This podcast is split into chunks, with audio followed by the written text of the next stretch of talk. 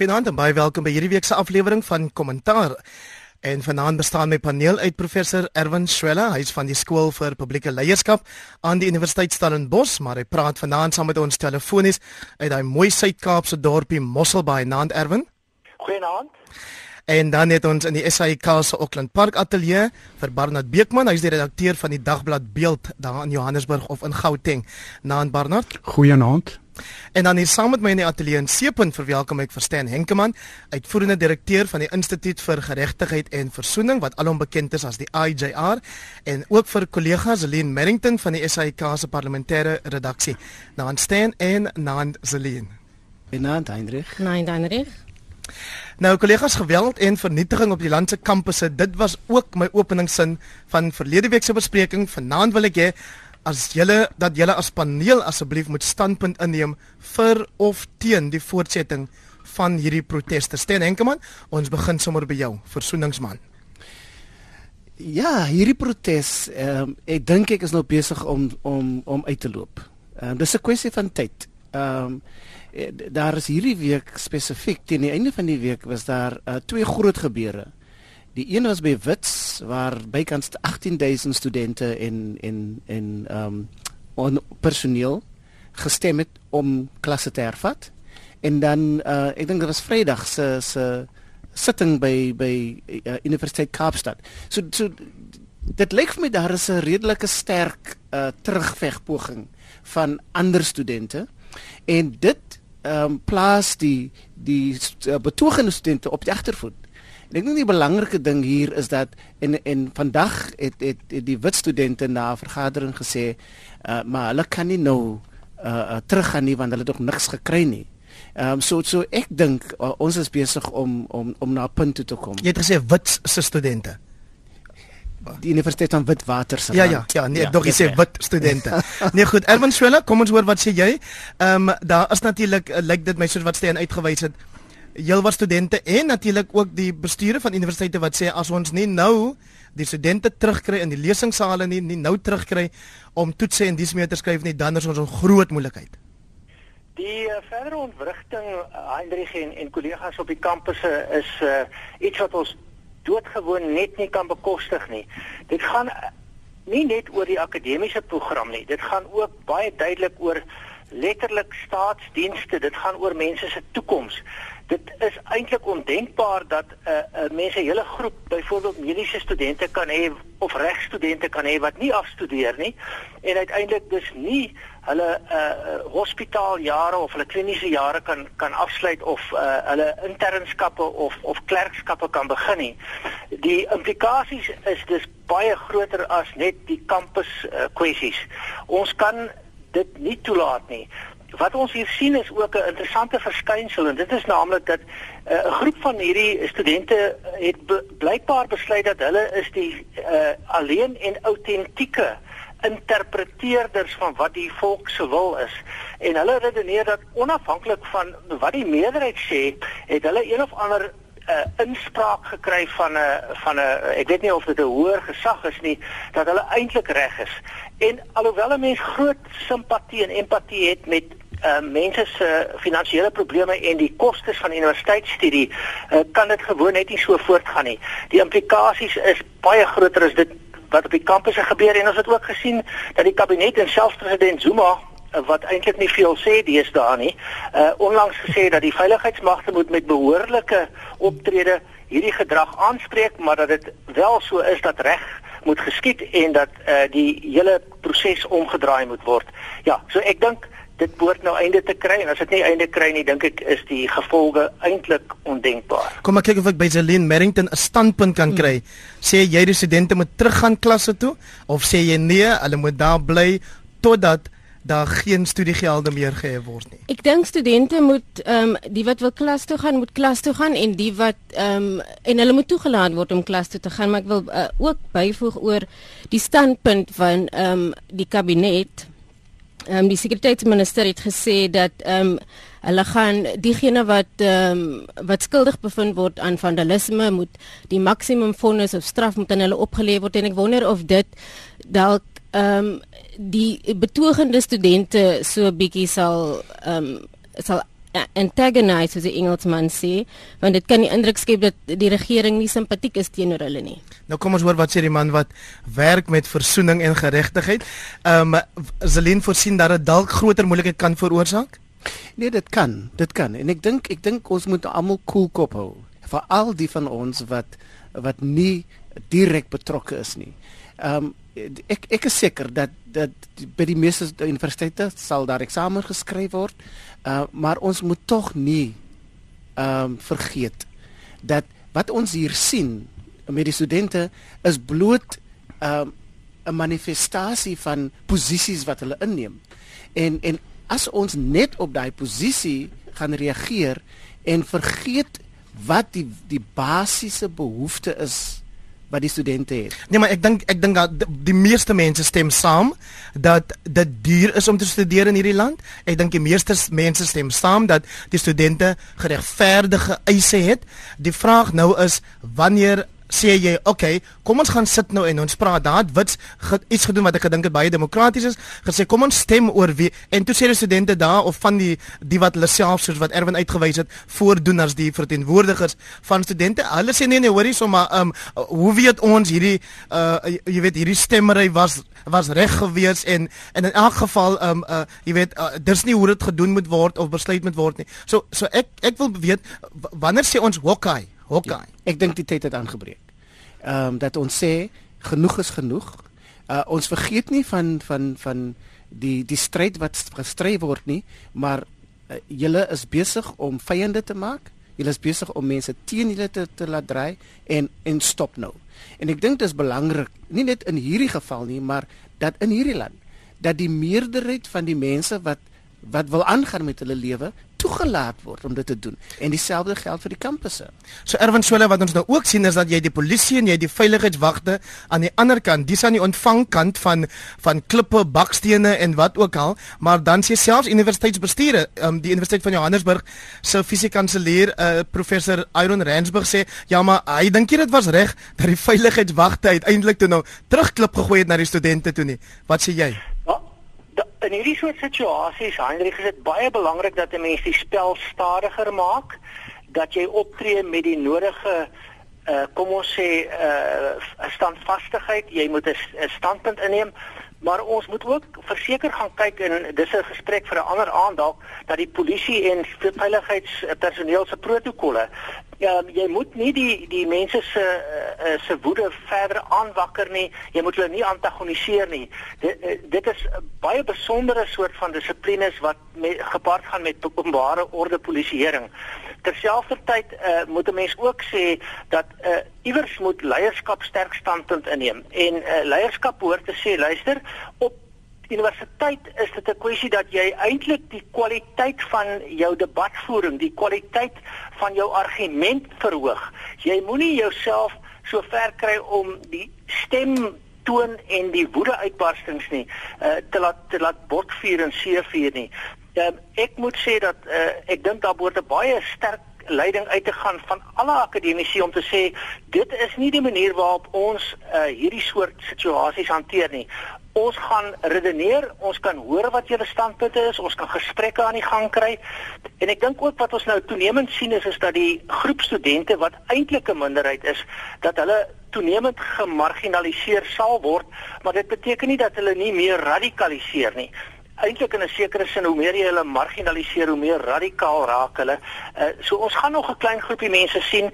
Ehm um, die polisie moet hulle self bedwing, die studente behoort hulle self te bedwing en ons moet hierdie ding stadiger maak, ons moet dit terugbestuur na kalmte toe en dan moet ons 'n werklike gesprek oor hierdie goed aan die gang kry op die kampusse. Nou ja, vir ons luisteraars wat ek al kan hoor vra, hoe kan Erwin Swela vir ons sê ons moet hierdie goed, jy weet, ons moet die ons moet half die temperatuur laat daal en so aan, maar intussen is die studente besig met geweldpleging of laat ons dan sê 'n sekere groep van die studente is besig met geweldpleging en in reaksie daarop sê mense van die publiek, maar hierdie hierdie kinders moet voor stok gekry word. Nou, ek dink uh, wat ek probeer sê is is dat uh, jy moet die situasie stabiliseer en as dit beteken dat die uh, gesagsstrukture en die magstrukture van die staat moet optree op 'n behoorlike manier. Maar onthou, die beklemtoning is ehm um, jy kan nie deur geweld te pleeg geweld aanspreek nie. Dit moet behoorlik gedissiplineerde professionele openbare orde polisieering wees. Dan maak jy die spel stadiger, jy stabiliseer die situasie. Dit beteken nie dat jy nie sterk optree en doelgerig en standvastig optree nie. Maar wat ek sê is, is nadat jy dit gedoen het, sal daar wel 'n gesprek aan die gang gekry word. Wat nou gebeur is is onaanvaarbaar, moet hanteer word, maar dit moet ook op die regte manier gehanteer word en dit behels natuurlik ook dat die staat se mag gebruik word om hierdie mense te stabiliseer. Wat 'n mens eintlik nog meer wil sien is is dat die die vandaliste, die uh, die die die die die die brand uh um, stigters dat hulle doodgewoon vervolg word en as hulle misdade gepleeg het, moet hulle uh, na die tronk toe gaan. Ek kan ek hier kom uh, ek dink op hierdie stadium met ons nou praat van die studente en ons praat van universiteite, maar ons het nog nie van die regering gepraat nie. Die die staat het 'n rol om te speel en ja nie net met polisieering nie maar ons as ons terugkyk na volg verlede jaar het die staat die regering so vinnig ingegee met die fees mas vol. En ek dink baie van die studente het gemeen dat as hulle ehm um, hard genoeg skree dan gaan die staat die regering weer ingee. En ek dink ek dink dis dis nou die groot toets vir die regering. Hulle moet nou standpunt inneem En ongelukkig het het, het meneer Nzimande, dokter Nzimande, die bal, die warm bal na die universiteit toe gegooi. Maar môre Zelin Merrington gaan na 'n beraad plaasvind waar president Jacob Gedlesleki Zuma en dokter Blyden Nzimande saam met belanghebbendes gaan vergader om hopelik 'n oplossing te vind. Hoe optimisties is jy dat dit wel gaan gebeur? Ehm um, Heinrich, ek is glad nie optimisties dat ehm um, daar iets dat daai vergadering ehm um, enigsins vrugte gaan werp nie. Ek dink ehm um, gepraat van warm patat rondgooi. Ehm um, party mense is beter daarmee as ander en ek dink uh, Dr. Nzimande het dalk by die van die beste geleer. So ek dink nie uh, ons gaan veel sien nie, maar die hoop beskaam nooit. Daar is ehm um, ook iets anders wat ek wil byvoeg. Ehm um, oor hierdie hele fees must fall iets wat vir my baie na in die hart lê en ehm um, is, is is dat joernaliste is ook deesdae die teiken by by hierdie optogte en baie van hulle is of deur studente of deur privaat sekuriteit aangerand en dit is iets wat baie kommerwekkend is en iets waaraan daar ook aandag gegee moet word. Nee, ja, Stan uh Henkeman of of ek wonder of ek vir jou moet vra nie um Erwin Swela of of jy dalk meer optimisties is oor hierdie beraad wat môre gehou word. Dit is sekerlik 'n teken van publieke leierskap, is dit nie? Twee twee vinnige aspekte daar. Uh, ek is heeltemal uh, uh, uh, in ooreenstemming. Die staat het ook nie net verlede jaar begin om hierdie goed uh, verkeerd te bestuur nie. Vir jare is die staatssubsidie vir universiteite aan die krimp. Is daar druk om meer en meer studente toe te laat, het die staat nie goeie onderwys op sekondêre en primêre vlak en selfs voorskoolse vlak nie. So die staat se uh, probleem en die probleem wat die staat dan aangee vir vir die ander instellings onder andere die universiteite uh, kom nie net van ek dit kom ook ek stem saam dit kom ook van verlede jaar se probleme maar daar's 'n geweldige lang geskiedenis van 'n sistemiese en deurlopende verwaarlosing van opvoeding. Geld word gespandeer en dis miskien ook 'n aanleiding van die probleem, maar daar's nie leierskap nie. Die leierskap in die skole uh, uh, is nie daar nie. Onderwys vind nie plaas nie. So die staat se se se mislukking is al oor 'n hele aantal jare. Dit het te maak met swak regering en swak leierskap oor môre môre gaan nie dadelik die situasie hanteer nie. Uh, dis 'n proses wat uh, oor oor 'n hele klompie maande en jare verkeerd geloop het, maar stadig maar seker moet 'n mens die gety omkeer. En elke stap wat nou geneem moet word, moet ingestel daarop wees om eers die stabiliteit terug te wen en dan stadig maar seker uh, en as dit beteken dat daar dat daar orde geskep moet word uh, selfs met 'n redelike sterk uh, magsvertoon, dan moet dit gebeur, maar dan moet 'n mens stadig maar seker hierdie proses omkeer. Ehm uh, môre gaan gaan dalk 'n bydrae maak, mense dan moet kyk, maar dit gaan nie dit gaan nie uh, die die saak oor môre verbeter nie. Hier is prosesse wat moet plaasvind wat 'n rukkie lank gaan duur. Persoonlik uh, um, het ek geen vertroue dat dat daar enigsins iets gaan van gaan kom nie. Die die manier hoe die regering ehm um, uh, praat dis dis nie dialoog nie. En en en ehm um, minister Nzimande uh, het verlede jaar en hierdie jaar gewys dat elke keer dat as daar so 'n vergadering is, dan is studente kom meer kwaad.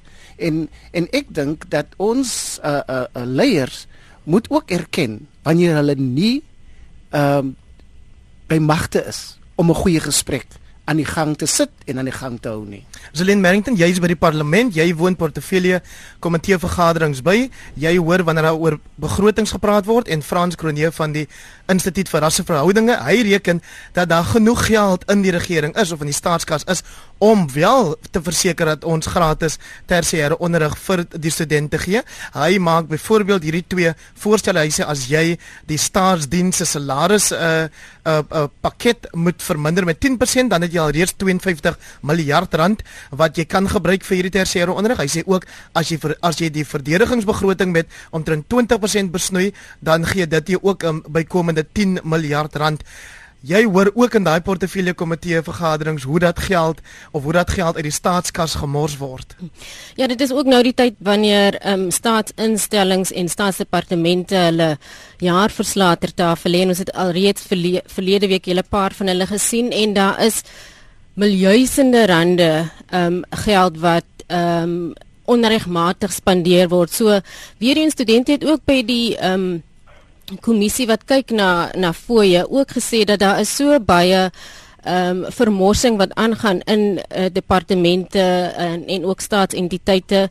En ek dink dat ook as ehm um, hoe meer ons gaan kyk um, in die aanloop na die einde van die jaar na jaarverslae wat inkom en hoeveel geld vermors word kan dit in uh, eh, 10 teen 1 waarskynlik studente se standpunt mm. daaroor oor die spesifieke saak versterk en kan hulle dalk bietjie meer simpatie kry by LPs byvoorbeeld en ook meer by die publiek wat ek dink ook 'n bietjie moeg raak vir al die geweld en vandalisme wat nou aangaan. Barnard Beekman, ons moet nie van jou vergeet nie, so kom ek vra jou, die uitvoerende hoof van Hoër Onderwys SA, Narend Bay, nat sê die werklike werklike gevaar of 'n werklike gevaar bestaan dat betalende studente Dit beteken studente van sogenaamde ryk ouers, die slimste en die slimste studente en dalk ook die beste akademici uiteindelik na private of na buitelandse instellings sal padvat.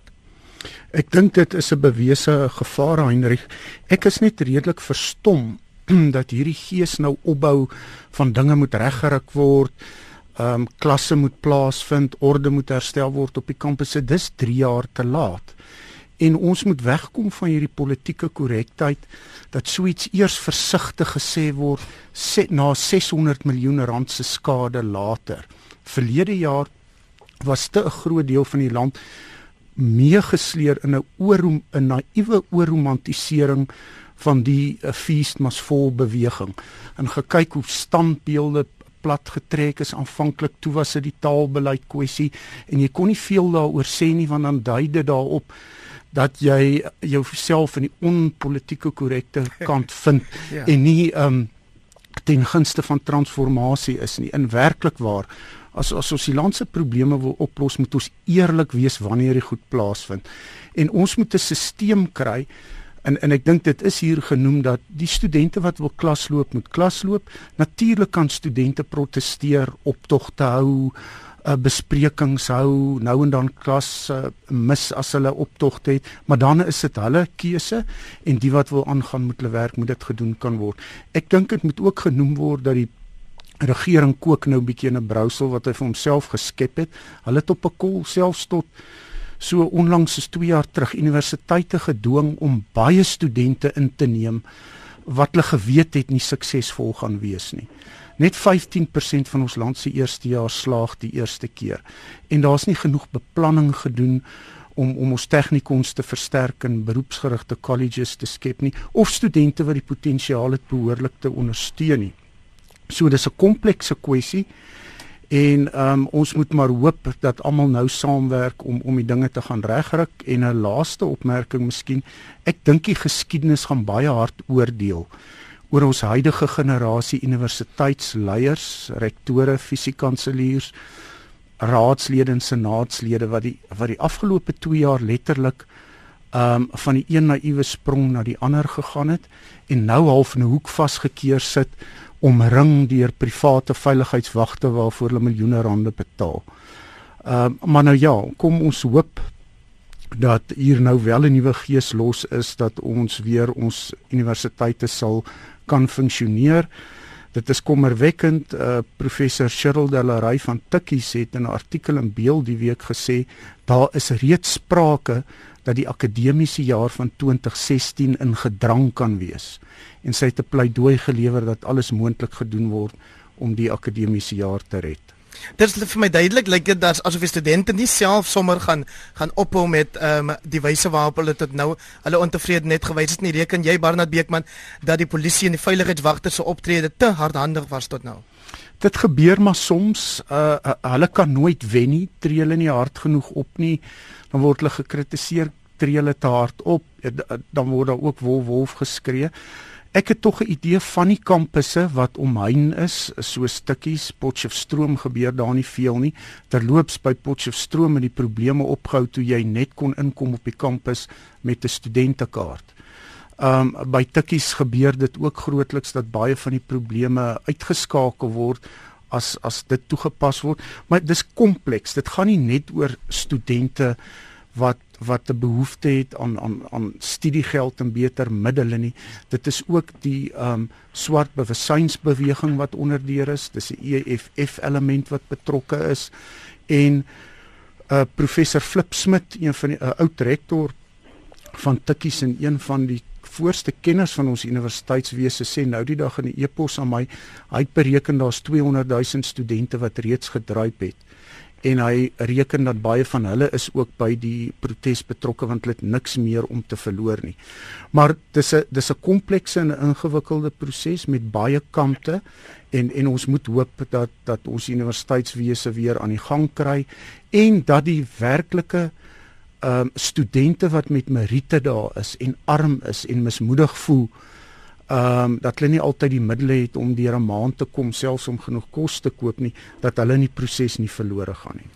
So staan en kom aan môreoggend kom jy op kantoor en die eerste e-pos wat jy raak sien is van die presidentsie af. Hulle sê ekskuus man, ons het heeltemal van julle vergeet, maar wil jy nie asseblief dringend 'n draai kom maak by hierdie beraad wat ons hou met belanghebbendes in tersiêre onderrig nie? Kom help ons om 'n oplossing te vind. Wat doen jy?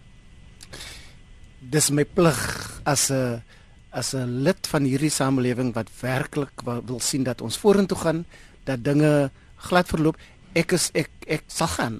Uh, al het ek nie die oplossing nie, ek sal gaan ons moet almal doen wat ons kan doen.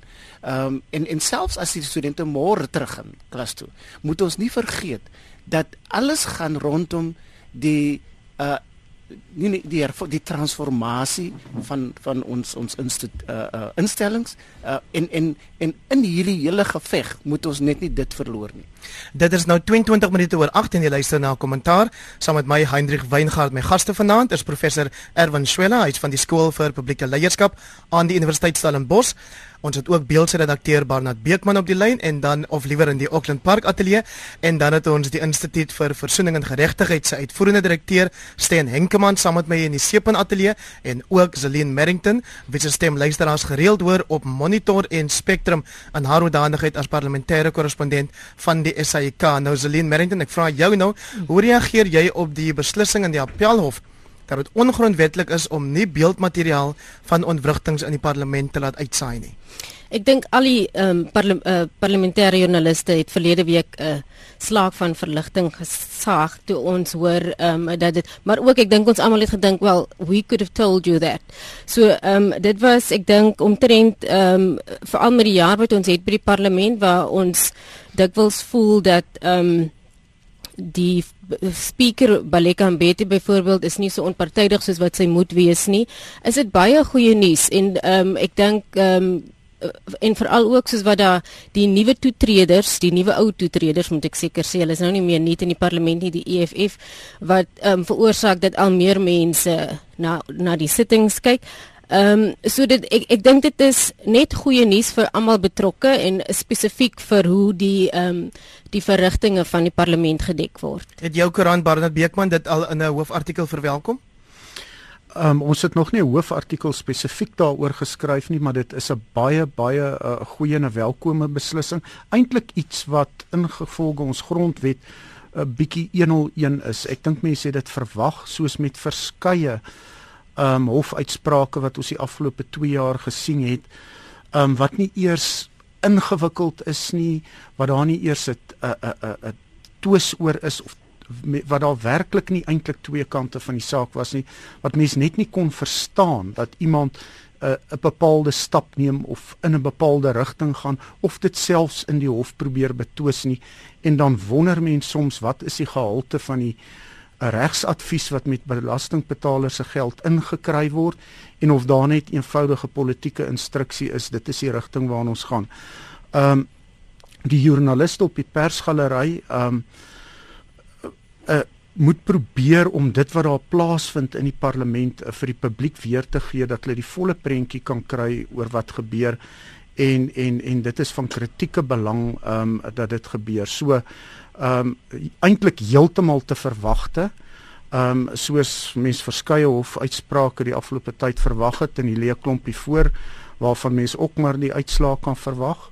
En ehm um, uh, ja, nee baie welkom en ons is baie bly daaroor. Erwin Swela, ek dink dit lei ons baie goed in in ons volgende storie en die is die nuwe pos wat gegee is aan meneer Slaudi Motsoaneng, die voormalige operasionele hoof van die SAIK, nou nie aangestelde hoof van korporatiewe aangeleenthede.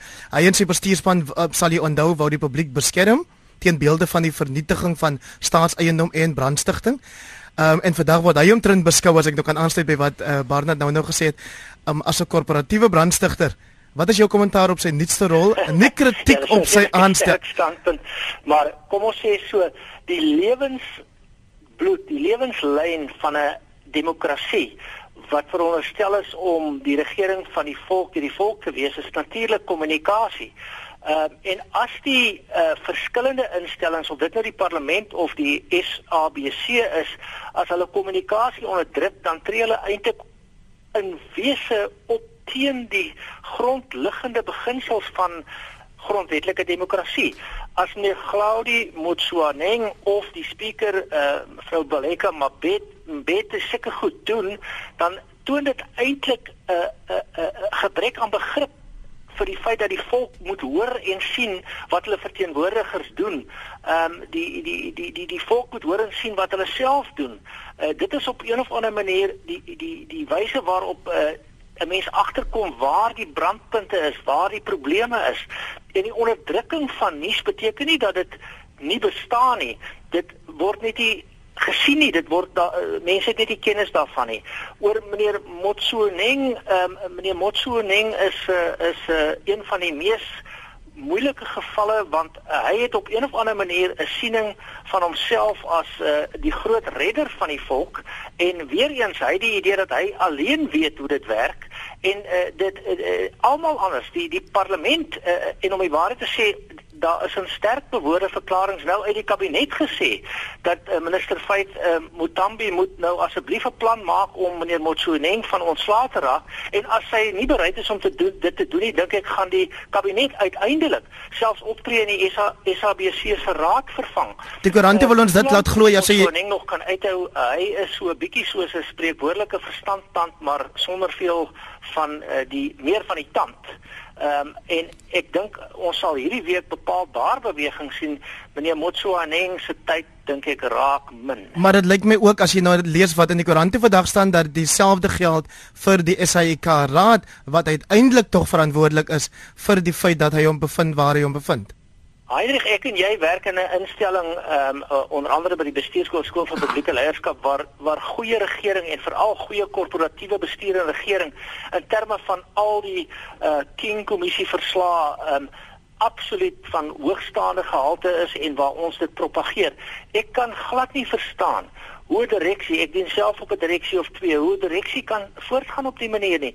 Die die direksie van die van die SABC onder andere ehm um, die voorsitter wat uh, professorale status het, ek het geen begrip hoe hulle met korporatiewe regering en al hierdie verskillende nakomingsvereistes omgaan nie. Hulle behoort eintlik al lankal uh, te bedank het en as hulle nie bedank nie, behoort hulle vervang te word. Sten Henkemann uh, ek stem 100% saam dat dat dit ehm um, hulle daar is as Claudia se daar is is opgetel. Dis 'n kwessie van tyd. En en maar ek wil terugkom na hierdie hierdie die hof uitspraak. Want dis vir my 'n 'n aanduiding van iets baie groter wat wat ons wat ons tog in berekening moet bring. Naamlik dat ten spyte van die feit dat die regering keer op keer probeer om ondemokraties en ongrondwetlik op te tree op in so baie gevalle is is van ons belangrikste instansies nog steeds sterk. Dis die openbare beskermer, die howe en ek dink as as Suid-Afrikaners moet ons moet ons dit nie vergeet nie. En as as as die howe ehm um, die stryd verloor, dan is ons in groot moeilikheid. So ons demokrasie is nog redelik sterk. Ehm um, want die regering kan nie net doen wat hy wil nie. En ek dink ek vanaand wil ek dit noem as iets wat ons moet uh uh um wat ook oranges beeld dalk bietjie meer moet uitbelig sê jy ja, Barnard Barnard ja. Beekman hier's jou geleentheid. Ja nee ek moet daarom sê ek het onder my eie naam verskeie rubrieke geskryf die jaar om te juis daardie punte beklemtoon en wat ek ook 'n bietjie van ons lesers aangevat het en gesê die mense wat so sê dit was 'n uitverkoop grondwet regte is weg onderhandel en ek het die lysie name van die onderhandelaars spesifiek genoem van EW de Klerk. Leon Wessels Roof Meyer Vanus Skuman die die hele lysie daar nog ander by. En gesê hulle dalk tog um 'n beter werk gedoen saam met die onderhandelaars van die ANC met wigte en teenwigte.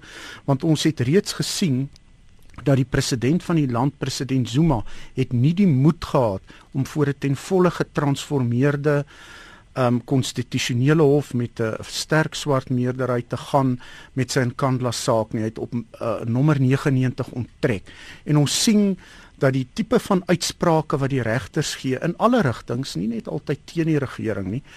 Um 'n sterk uitspraak ook gewees teen Afriforum oor straatname in Pretoria, maar dat hulle mens kry die indruk die sein wat die regters stuur is dat hulle glo in werklik in dit wat in die grondwet staan.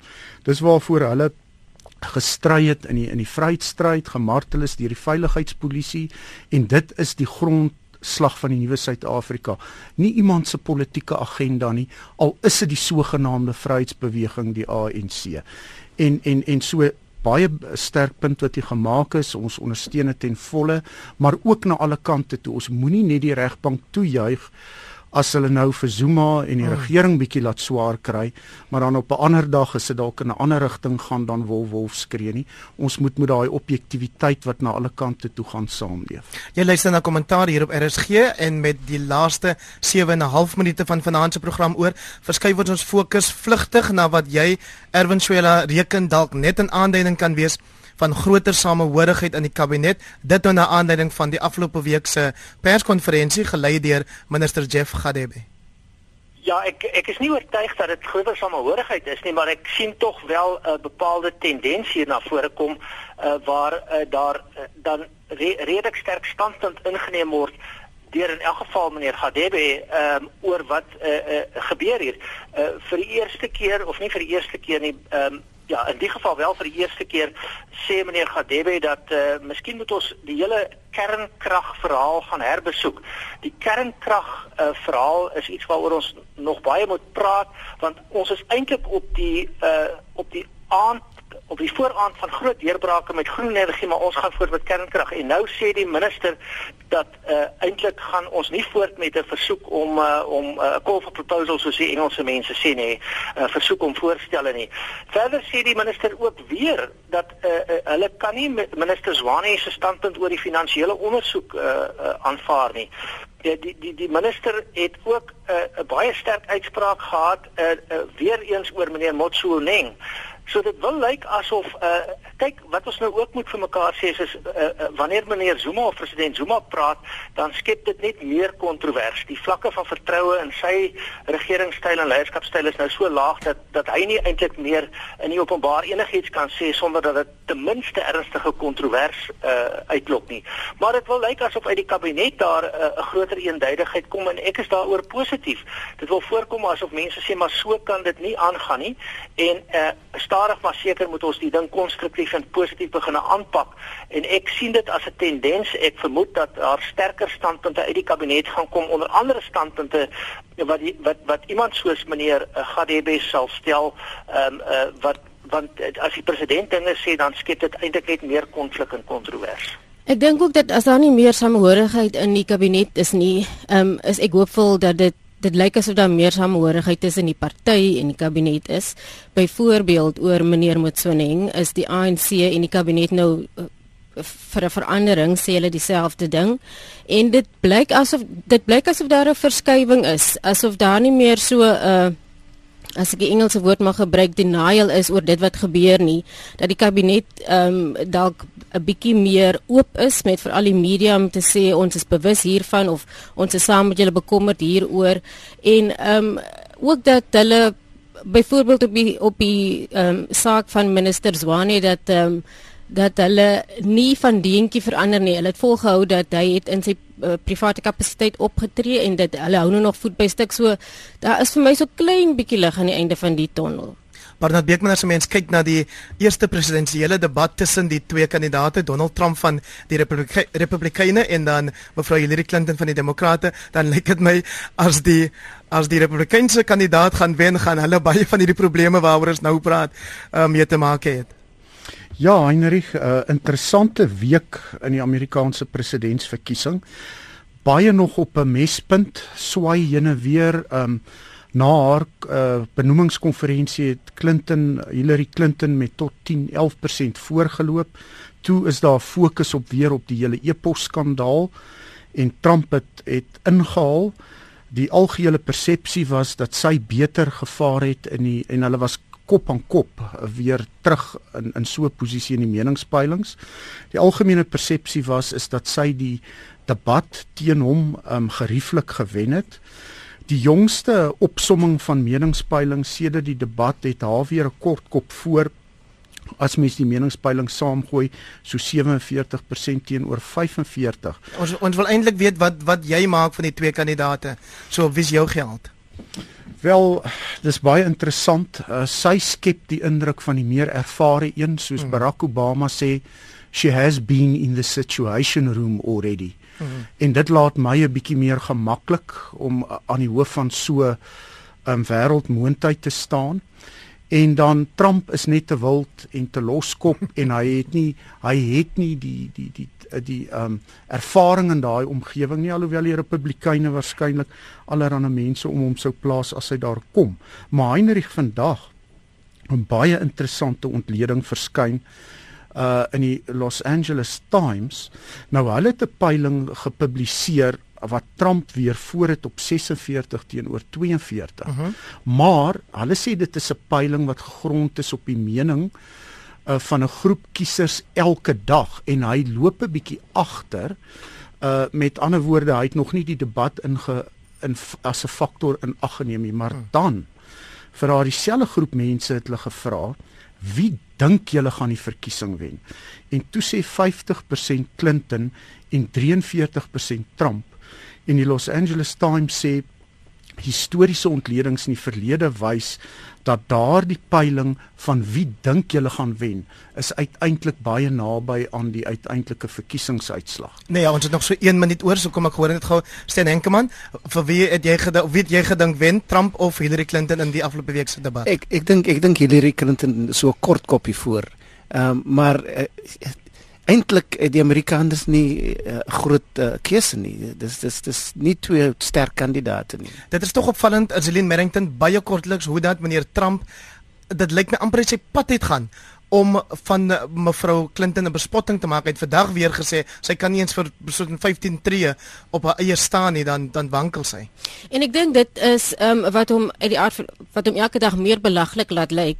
En ehm um, ek al wat ek kan voor my sien um, gedurende daai um, debat is haar skalkse glimlag elke keer wanneer hy iets belagliks kwyt geraak het en ek dink um, hulle is dalk tussen die duiwel en die diep blou see met die twee kandidaate maar ek sal dan nog steeds vir Hillary gaan 10 sekondes Erwin Swela Ja, mevrou Clinton uh, het 'n raam rondom hierdie ding gesit. Sy sy gaan vir vroueregte, sy kyk na die minderheidsregte, na die Meksikaanse regte. Vrouens is ten minste 50% van die bevolking.